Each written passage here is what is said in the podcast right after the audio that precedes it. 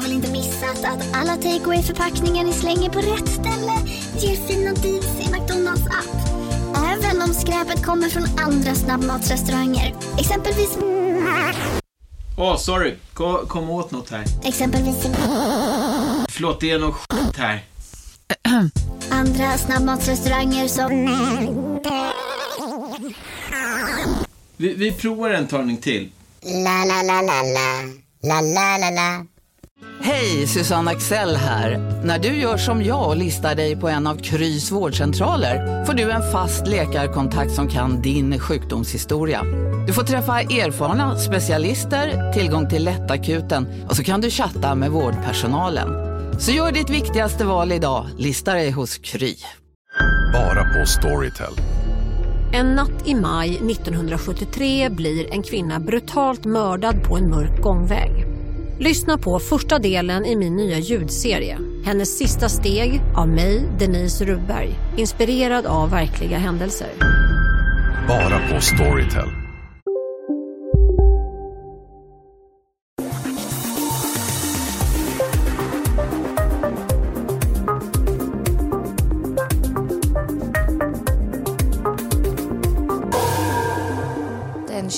29 januari 2006 kommer det in en anmälan till polisen. En tioårig pojke har försvunnit från ett shoppingcenter utanför Göteborg. En stor sökinsats dras snart igång men ingen ser någon skymt av pojken. Misstankarna börjar helt plötsligt riktas mot den egna familjen. Det är någonting som inte står rätt till.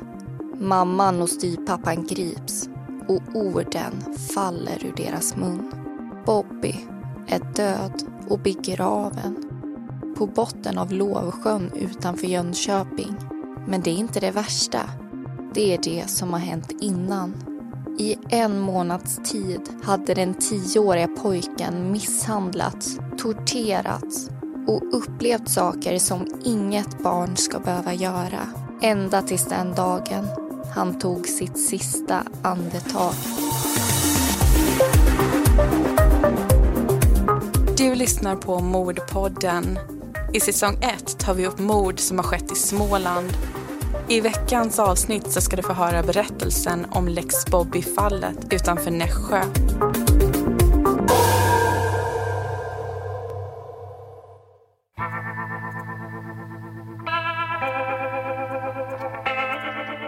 Bobby är speciell.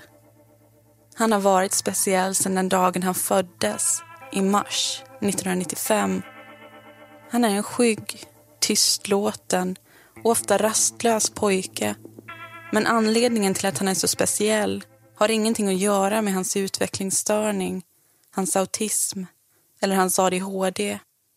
Det har att göra med det faktum att Bobbys liv en dag skulle komma att förändra Sveriges lagstiftning. Mia är 19 år när hon får sina första förlossningsverkar. Några timmar senare får hon träffa sin son, Bobby, för första gången. Bobbys pappa är inte med i bilden och under Bobbys tioåriga liv så ser han honom bara en gång. Men det gör ingenting, för Bobby är älskad av sin mamma och sin mormor. De bor allihop i Stenungsund en bit utanför Göteborg. Där går också Bobby i skolan. Men trots att Bobby är tio år gammal så bedöms hans utveckling motsvara samma nivå som en fyra till femåring. Han kan inte läsa och han kan bara stava till sitt eget namn. Men för varje dag så går det framåt. Mia, Bobbys mamma, har dock börjat vantrivas allt mer med sitt jobb och hon är trött på tillvaron i Stenungsund.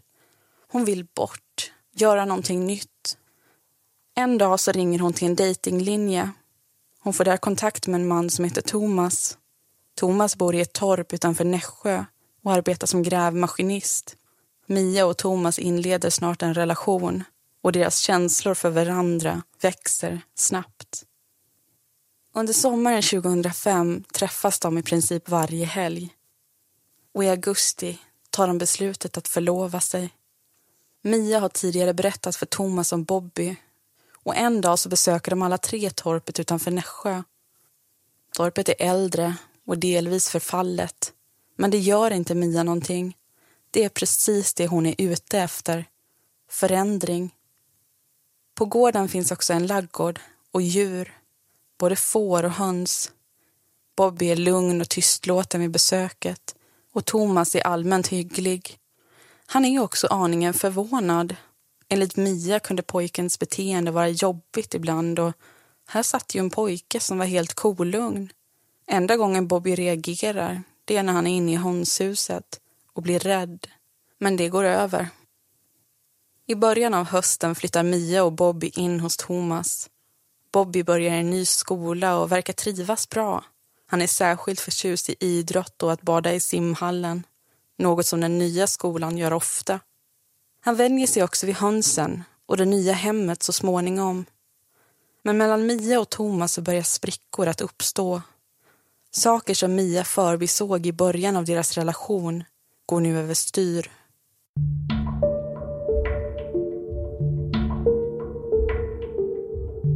Thomas är kontrollerande och börjar bestämma över hur Mia ska klä sig och vad hon ska göra. Redan innan de flyttade ihop så hade Mia och Thomas ett sadomasochistiskt förhållande på Thomas begäran. Men då var det på en lägre nivå. Nu började det bli allt mer intensivt och Mia är inte längre bekväm med att Thomas hela tiden ska vara dominant. Snart börjar också stöket mellan Thomas och Bobby. Pojken som ibland får utbrott när han inte får som han vill går Thomas allt mer på nerverna. När Bobby dessutom slamrar med besticken vid matbordet så tar styvpappan på sig rollen som uppfostrare. Och den första regeln tar vid. Bobby får inte längre äta med resten av familjen. Mia börjar känna sig instängd och rädd. Thomas dominanta sida tar över och hon ogillar hans beteende mot henne och sonen allt mer. Samtidigt står hon utan jobb och hon har precis tagit ett lån på 100 000 kronor för att renovera torpet. Och hon är osäker på vad som skulle hända om hon tog med sig Bobby och lämnade Thomas. Istället för att hitta en utväg så börjar hon dricka. Först bara på helgerna. Men till slut går det inte en dag utan att flaskan kommer fram. I december 2005 skulle dock det riktiga helvetet ta sin början.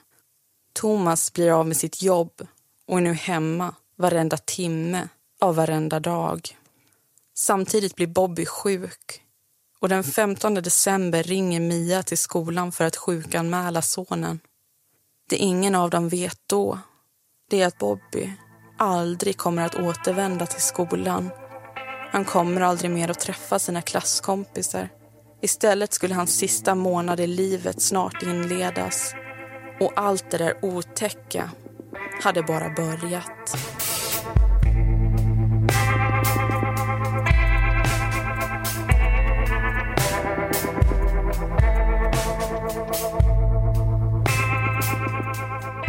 Där hörde du första delen av Lex Bobby-fallet. Och jag heter Amanda. Och jag heter Linnea. Och det är precis som vanligt vi två som kommer att leda dig igenom det här fallet. Och i ett tidigare avsnitt så diskuterade ju vi hur vi tänkte kring våra diskussioner. Mm. Varför vi gör dem och varför vi gör dem på det sättet som vi gör. Och nu när det är sista avsnittet tänkte vi ta tillfället i akt och prata lite om varför vi har valt att göra den här podden på det sättet och då fokusera på våra berättelsedelar. För oss handlade det väl rätt så mycket om det här med att vi ville göra någonting nytt och någonting som ingen annan hade gjort innan. Och vi är ju båda, vi tycker väldigt mycket om just det här berättande formen.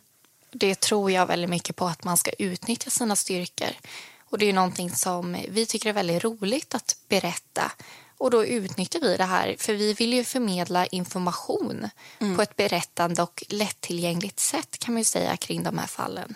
Och det är ju väldigt viktigt också att det vi berättar här i de här äh, berättelsedelarna, det handlar ju faktiskt inte om sagor, utan det Nej. handlar ju om bara en teknik att berätta sånt som redan har stått i medier eller stått i domar och sånt, att vi gör det bara på ett annorlunda sätt.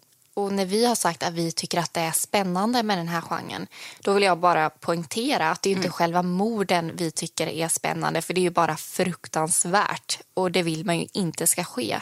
Utan det vi tycker är spännande med de här fallen, det är hur kunde det bli så och varför? Alltså bakgrunden kring de här mordfallen. Och hur det påverkar till exempel ett Ja. samhälle. Det är så intressant att förstå sig på hur en sån grej verkligen kan få konsekvenser utanför sig självt. Och vad som händer innan och vad som händer efter helt enkelt. Det är det vi tycker är spännande och inte att en person dör för det är bara fruktansvärt. Men sen har vi ju fått lite frågor också, så här, hur vi kan veta så mycket eller hur vi får fram all den här informationen som vi berättar om i berättelser. Och där vill vi klarlägga lite att domar de är ju väldigt, väldigt beskrivande. Man kanske inte tror det. Man kanske tror att det liksom står bevisningen och så förhören. Men det är ju faktiskt människor som får berätta sin historia, vad de tycker har hänt och från deras synvinkel. Och om vi säger att en person säger någonting i våra berättelsedelar då har den personen sagt det enligt domarna. Så de här citaten är absolut ingenting vi hittar på. Den enda förändringen vi gör det är hur, hur vi förmedlar, alltså vilka ord vi väljer. Om det står i domen att en person är rädd då kanske vi beskriver hur det känns i kroppen när man är rädd. Men den beskrivningen skulle vi aldrig göra om vi inte hade fått den grundinformationen. Vilket betyder att allting som vi säger här det är ju faktiskt sant. Absolut. Det är ingenting vi hittar på för att göra det dramatiskt. Det skulle vi aldrig göra. Nej. Men om vi går tillbaka lite till Lex Bobby-fallet. Och det finns ju faktiskt en anledning till att vi benämner det här som ett fall och inte som ett mord. Och det kommer ni få höra lite senare. Men anledningen till att vi valde det och anledningen till att vi valde det att ha just det här fallet som vårt sista avsnitt i säsong ett av Mordpodden. Det är ju faktiskt för att det här fallet präglade Småland så himla himla mycket när det, när det hände. Och gjorde väldigt många människor väldigt berörda. Och då vill vi passa på att säga att den här andra delen i berättelsen innehåller väldigt mycket hemska detaljer kring vad som hände Bobby. Så vi vill varna om du är känslig för detta. Och för att vi skulle göra bedömningen vad vi skulle ta med och inte av det som stod i domen har vi utgått mycket från vad det faktiskt har pratats om i medierna innan. Så det är inga hemska detaljer som vi tar upp som ingen redan vet om. Men tycker du att det är hemskt så spola förbi en liten bit skulle vi säga. Och vill du lyssna vidare så kommer vi till andra berättelsen nu. Thomas har ju precis blivit av med sitt jobb och Bobby är hemma och sjuk. Och vi vet ju att det är nu som allting kommer att börja spåra ur. Men vad är det egentligen som händer där i torpet utanför Nässjö?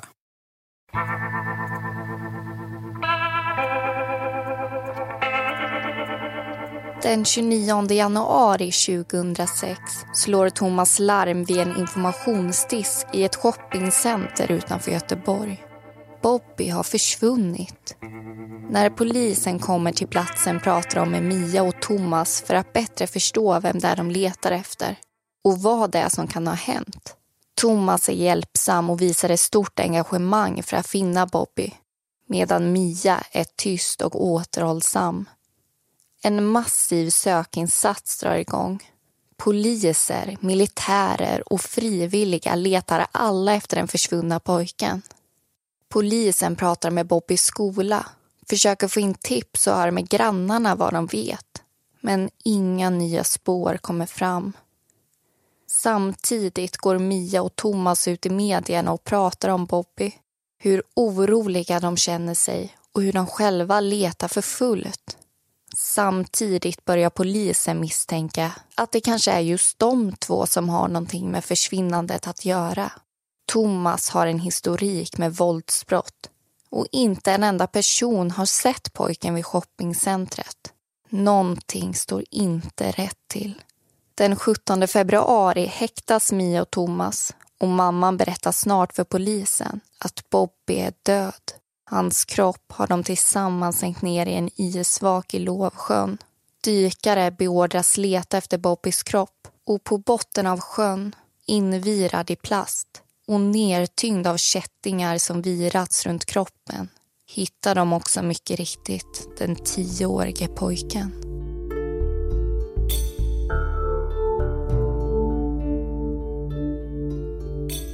Mia går tillbaka till början och berättar vad som egentligen försiggick mellan den 15 december 2005 då hennes son sjukanmäldes och mitten av januari då han miste livet. Det visade sig att Bobby nästintill varje dag hade utsatts för något övergrepp. Och det höll på ända tills det en dag gick för långt. I en månads tid, när andra familjer tittade på Kalanka åt julbord och invigde det nya året skulle Bobby gå igenom någonting som inget barn ska behöva vara med om. Enligt Mia blev Thomas ofta irriterad på Bobby. Han tyckte att pojken behövde uppfostras och tryckas ner i rang. Men när det kommer till övergreppen så var han inte ensam om att begå dem. Mia var också där och hon bestraffade själv Bobby vid flera tillfällen. Enligt henne berodde det på att hon blev hotad och straffad om hon inte gjorde som hon blev tillsagd. Men hon tyckte också att hennes straff var mildare än de Bobby annars hade fått av Thomas. Samtidigt kom hon aldrig sig för att kontakta någon myndighet för hjälp eller ens be Thomas själv att sluta. Nära nog dagligen blev Bobby slagen. Oftast satt han fasttejpad i en stol vid tillfällena. Knytnävar, bälten och vedträn användes om vartannat för att straffa den lille pojken. När Thomas slog var det huvudet och kroppen som fick ta emot slagen medan Mia menar att hon mest slog på benen och armarna för att lindra lidandet. Vid ett tillfälle låg Bobby fasttejpad i sängen. Han hade avföring i kalsongerna. Thomas slog då pojken med ett bälte över hela kroppen. Därefter klippte Mia och Thomas sönder pojkens nersölade underbyxor och tejpade fast dem över Bobbys ansikte. Sen fick pojken ligga så över hela natten och en bit in på förmiddagen dagen efter. Vid en annan incident fick Bobby ta emot elstötar ute i fårhagen. Varje gång var det ett straff för något som pojken hade gjort. Men Mia kan inte längre minnas vad. Bobby kläddes då av och togs med naken ut i den kalla decemberluften. Varje kroppsdel fick ta emot flera stötar. Fem till tio stycken, om Mia minns rätt. Någon gång i början av januari kom nästa typ av övergrepp. Mia satte dammsugarslangen över pojkens könsorgan och därefter slog Thomas på dammsugaren på högsta effekt. Pojken sa ingenting, men Mia förstod att pojken led när hon såg hans blick. Hon drog därför av slangen. Thomas gensvar blev att själv sätta fast den igen. Mia valde då att dra ur sladden ur dammsugaren helt och hållet. Något som ledde till att Thomas hotade henne med att hon själv skulle få ta Bobbys plats om hon inte hjälpte till. Slangen fördes återigen mot pojken och hölls den här gången kvar i cirka fem minuter. Bobby blödde och klagade på smärtan i flera dagar efteråt. Vid flera tillfällen tvingades även Bobby dricka sprit precis som både Thomas och Mia gjorde regelbundet. Enligt mamman var det inte heller några små mängder han fick i sig. En gång satte Thomas dessutom tejp över Bobbys mun och näsa. När han märkte att pojken fick svårt att andas lossade han dock på tejpen så att Bobby fick luft. Men då hämtade han istället ett örngott som han drog över Bobbys huvud och fäste runt halsen på pojken. Övergreppen lämnade också tydliga spår på Bobbys kropp. Thomas och Mia vill inte riskera att pojken drog uppmärksamhet till sig i skolan. Därför låter de honom inte gå dit. Och om bara några dagar skulle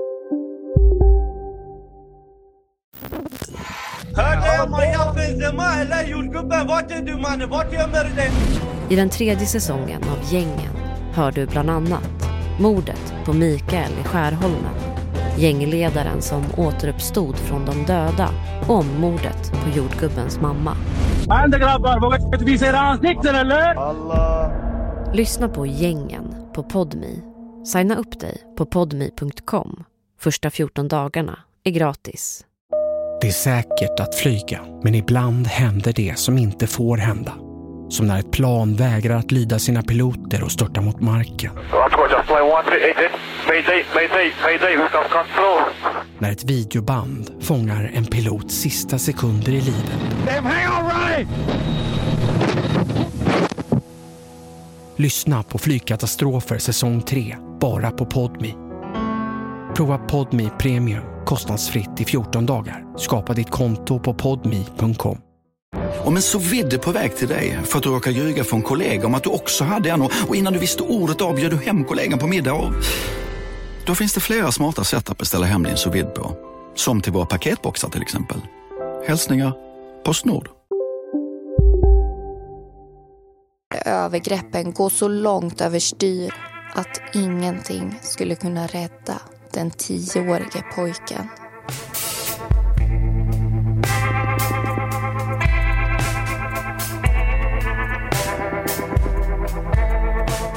Du lyssnar på Mordpodden.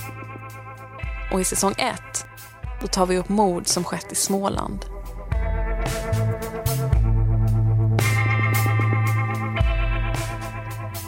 Där hörde du alltså andra delen av Lex Bobby-fallet och vi tänkte nu stanna upp lite och reflektera både över det som vi funderar kring i Lex Bobby-fallet men även kring den här gångna säsongen. Men om vi börjar med Bobby där då. Mm, jag tänker främst på det här med att när barn far illa och speciellt när barn mördas eller dör, hur det verkligen engagerar så jätte- jättemycket folk i Sverige. Alltså, Det väcker alla, ju så mycket känslor. Ja, alla vill vara involverade, alla vill hjälpa till, stödja. Alltså, det blir någon slags andra familj, det svenska folket på något sätt. Som en samhörighet kring den här sorgen på Ja. något märkligt sätt. Och då kan vi ta Lisa Holm eh, Mm. som exempel, som inte var så länge sedan. Det var ju faktiskt över tusen frivilliga varje dag som letade efter den här flickan när hon var försvunnen. Och när hon sen tyvärr då hittade stöd och begravningen ägde rum så fyllde man ju hela kyrkan. Och även utanför kyrkan var det fullt, fullt med folk. Mm. Och det är ju också nästan fallet i Lex Bobby, eller i Bobbys fall. Nu vet ju vi att det kommer att hända någonting riktigt otäckt med den här pojken. Och när hans begravning hålls, då är det nästan 30 000 rosor som har skänkts till kyrkan genom det svenska folket till hans begravning. Ja, från allmänheten där. Mm. Och de skänker ju till och med en gravsten, inte allmänheten då, men ett stenhuggeri skänker en gravsten till Bobby som är i formen av ett hjärta som har Mm. Nalle Puh på sig och där står det Vår solstråle Bobby, älskad och saknad. Ja, nej, men det är ju det är något med barn. Och jag tror man förstår nog ännu mer när man har fått barn själv faktiskt. Mm. Då tror jag man blir ytterligare berörd av en sån här sak. Om vi återgår till Lisa Holm-fallet. Mm. Det var ju Missing People var ju involverad där och även i Bobby-fallet var det ju många människor som engagerade sig. Mm. Men i Lisa Holm då, så det var deras största sökinsats någonsin Ja, just det, var Missing det. People. Och det här ledde faktiskt till att 4 000 nya medlemmar gick med i skallgångsregistret. Så det visar ju hur, hur det engagerar helt enkelt. Och nu känns det lite märkligt att prata om något annat. Eh, men vi känner ändå att vi måste göra det. För det här är ju som sagt vårt sista avsnitt i säsong ett som har utspelat sig i Småland. Och vi vill reflektera lite över hur vi har tyckt det har varit att göra den här podden helt enkelt. Det första man vill ta upp det är väl nästan det här att vi trodde ju aldrig att så många skulle lyssna eller att Nej. den ens skulle komma ut så långt som den har gjort. För vi får ju faktiskt inte glömma att det här är det sista jobbet vi har gjort i vår skola. Det här är ett skolprojekt.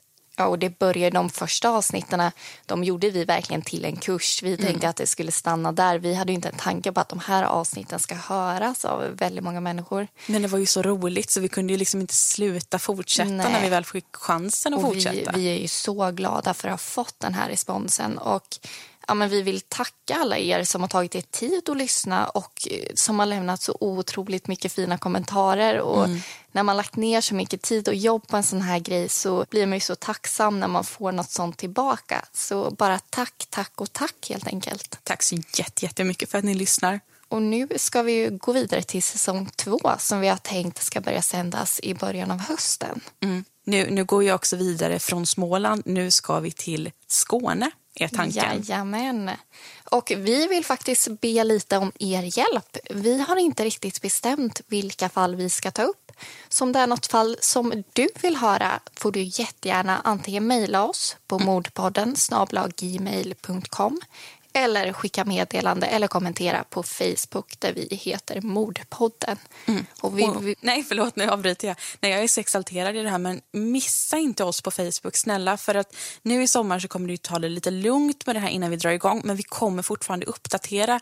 Så vill du veta när säsong två drar igång eller vill du veta när vi kör igång vår research och vi, vi kommer in i det här. Gilla oss på Facebook så du inte missar någonting. Och kommentera gärna vad du tyckt om den gångna säsongen. Det Ja. vill vi jättegärna veta. Men ska vi nu gå in på vår sista berättelsedel av säsong 1. För i den här sista delen så finns ju också svaret på frågan på vad som egentligen hände den dagen då Bobby dog.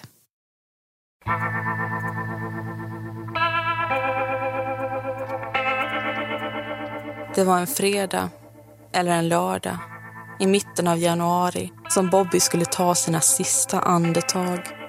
Men beroende på vem man frågar vad som egentligen hände den där dagen så kommer svaret att variera. Enligt Mia, Bobbys mamma, hade dagen börjat med ett gräl mellan henne och Thomas. Det hade slutat med att Thomas hade sagt åt henne att gå upp till sovrummet. Båda hade druckit och var berusade vid tillfället. Efter ett tag hörde Mia hur Thomas ropade på henne. Och när hon kom ner i köket så såg hon hur Bobby satt vid köksbordet med en tallrik mat framför sig. Hon vill minnas att det var ravioli, men maten hade även blandats med kattmat. Thomas stod intill pojken innan han tryckte ner pojkens ansikte i maten. Någon gång därefteråt så hamnade de alla tre utomhus. Thomas knuffade Bobby framför sig ut ur huset.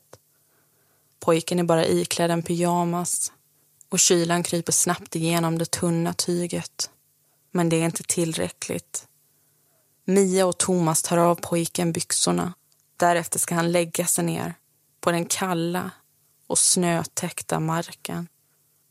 Thomas börjar därefter täcka pojkens kropp med snö. Bobby är frusen och säger att han behöver kissa. Han får gå upp och bort till en buske. Men något kiss kommer inte. Och nu blir Thomas ännu mer irriterad. Han frågar gång på gång varför pojken ljuger. Bobbys svar blir en upprepning av de frågorna vilket bara irriterar Thomas ännu mer. Han knuffar pojken så han faller omkull. Mia sätter sig då gränsle över Bobby medan Thomas trycker en svart känga över tioåringens bröst. Bobby får stanna kvar i decemberluften i drygt 15 minuter innan han släpps in i värmen igen. Han är vid medvetande, men kraftigt nedkyld och har svårt att gå. Thomas och Mia får hålla pojken i varsin arm för att leda in honom i huset. Bobby placeras framför vedspisen i köket. Återigen så är han fasttejpad vid en stol. Mia och Thomas försvinner bort en stund på varsitt håll. Och när Thomas kommer tillbaka så är det med ett leende på läpparna. Mia tolkar det som att han återigen har gjort någonting med Bobby. Paret går tillsammans in till Bobby igen. Och Thomas beordrar Mia att böja pojkens huvud bakåt medan Thomas själv tejpar det på plats. Mamman fäster också ett bälte runt Bobbys mage. Pojken säger ingenting, men han följer sin mamma med blicken. Och där lämnar de Bobby för att gå iväg och äta. När de kommer tillbaka är Bobby fortfarande kall om händerna och fötterna. De tar då loss pojken från stolen och bär upp honom till hans rum. Mia går ner igen och, och Thomas följer efter efter en liten stund. 20 minuter senare reser sig plötsligt Thomas upp och springer till Bobbys rum. Han ropar efter Mia. Och när mamman kommer in i rummet så ser hon hur Thomas ger Bobby mun mot mun-metoden. Hon känner på pojkens bröst. Det är kallt. Han andas inte längre. Hon försöker att ge honom hjärtmassage men snart lämnar Thomas rummet och Mia tar över sonens upplivningsförsök. När hon själv ger mun mot mun-metoden känner hon smaken av spyor. Men pojken vaknar inte. Han skulle aldrig vakna igen. Och Mia ger upp. Hon lämnar sin son för att höra med Thomas om han ringt någon. Hans svar blir ett nej. som han såg ut så ville han inte att någon skulle se pojken. Uppe i sin säng ligger nu Bobby. Han har ett tiotal blåmärken och sår på sin kropp. Han har också en bula på huvudet och sår på armarna som han fått av vedspisen då han försökte värma sig. Han har kvävts av sina egna uppkastningar. Anledningen? Hans kropp var för svag. Efter nedkylningen och misshandeln så var han inte riktigt vid medvetandet. Så när Bobby började kräkas så kunde inte ens pojken vända sig om, hosta eller harkla bort uppstötningarna. Och därför dog han. Mia är i chock, men förstår samtidigt att Thomas skulle råka illa ut om de ringde till någon. Därför lugnar hon sig med en whisky innan hon går och lägger sig. Somnar gör hon inom kort. Men enligt Bobbys styvpappa Thomas så hade Bobbys sista dag i livet sett en aning annorlunda ut. Mia hade aldrig några riktiga moderskänslor för Bobby. Hon beskrev ofta pojken som jobbig och, och som någon som hade allvarliga problem. Mia tydde sig dessutom till alkoholen och det var inte bra för hon reagerade inte väl med spriten. Vid något tillfälle hade Thomas sett hur Mia behandlade pojken illa hur hon slog honom eller tvingade ut honom naken i kylan. Han hade då sagt åt henne att sluta samtidigt som han hade blivit chockad över hennes beteende. Hans jobb blev därefter att förhindra att bråken mellan mamman och sonen eskalerade. Men att Bobby utsatts för elstötar, blivit fasttejpad i sin egen säng och slagen med vedträn menar han inte är sant. I så fall så har det hela skett utan hans vetskap. Den där dagen då Bobby dog var enligt Thomas Mia den som var drivande. Hon var svart i ögonen och hade druckit. Hon skrek, svor och kastade ut Bobby naken i det kalla vintervädret. När pojken väl kom in i huset så försökte Thomas hjälpa honom genom att ge honom mat och skämta med honom. Pojken gick därefter självmant upp till sitt rum och la sig. Thomas gick då ut och tog hand om djuren och när han kom in i huset igen så var klockan efter tio på kvällen. Han gick upp för att lägga sig och kikade som vanligt in i pojkens rum för att säga godnatt. Han fick inget svar. Kanske sov pojken. Men han brukade ändå få någon typ av respons. Han valde därför att gå in i rummet och då upptäckte han att Bobby var livlös.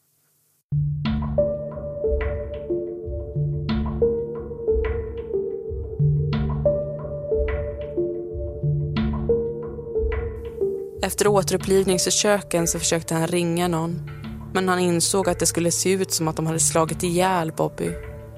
Han var förtvivlad och gick ner i köket. Mia kom snart ner hon med hon var arg för att hon hade fått pojkens uppkastningar i sin egen mun.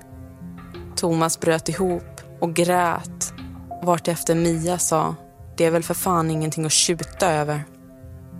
Därefter hällde hon upp en whisky och ville att de två skulle skåla för att fanskapet var borta.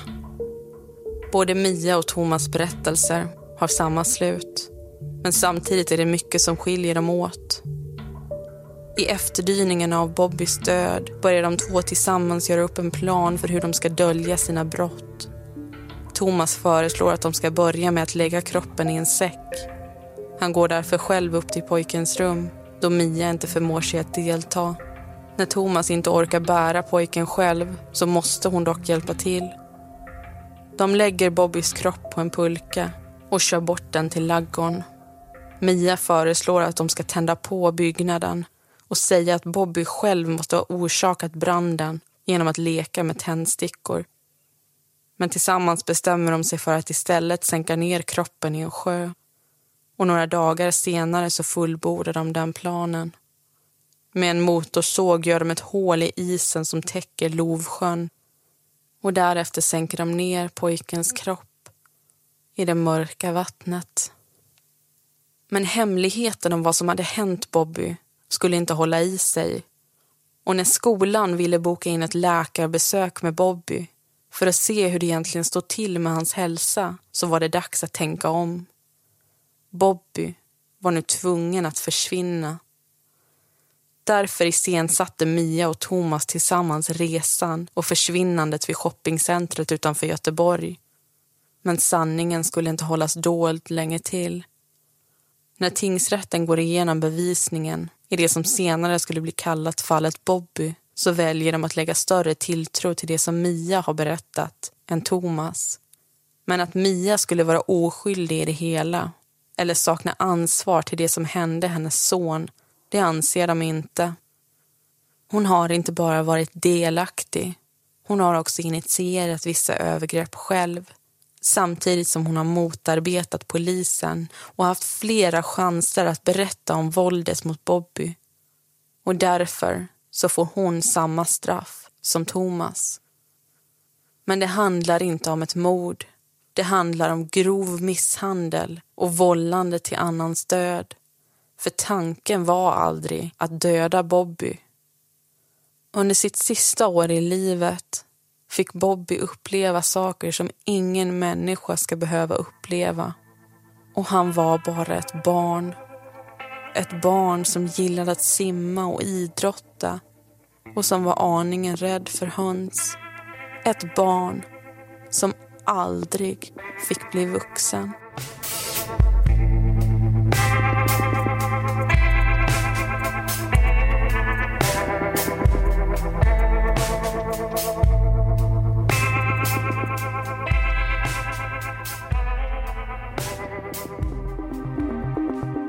Tingsrätten dömde både Mia och Thomas till tio års fängelse.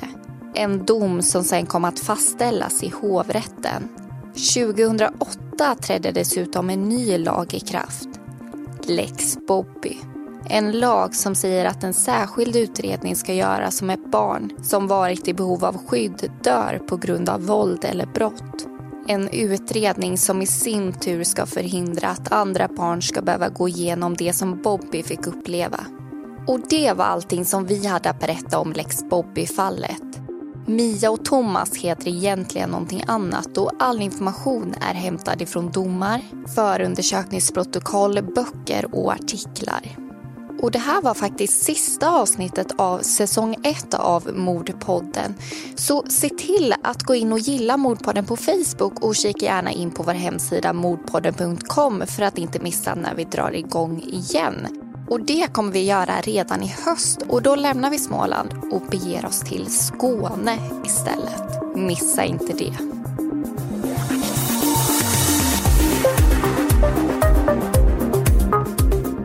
Du har lyssnat på Mordpodden och vi som har gjort den heter Linnea Bolin och Amanda Karlsson.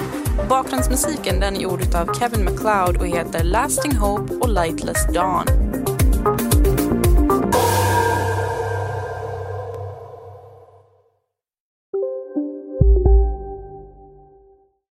Ni är med om det största. Och det största är den minsta. Ni minns de första ögonblicken. Och den där blicken gör er starkare. Så starka att ni är ömtåliga. Men hittar trygghet i Sveriges populäraste barnförsäkring. Trygg Hansa. Trygghet för livet. Demideck presenterar Fasadcharader. Dörrklockan. Du ska gå in där. Polis? Effektar? Nej, tennis tror jag. Pingvin. Alltså jag fattar inte att ni inte ser. Va? Nymålat. Men det var många år sedan vi målade. Demideckare målar gärna, men inte så ofta. Var du än är och vad du än gör så kan din dag alldeles strax bli lite hetare. För nu är Spicy Chicken McNuggets äntligen tillbaka på McDonalds. En riktigt het comeback för alla som har längtat.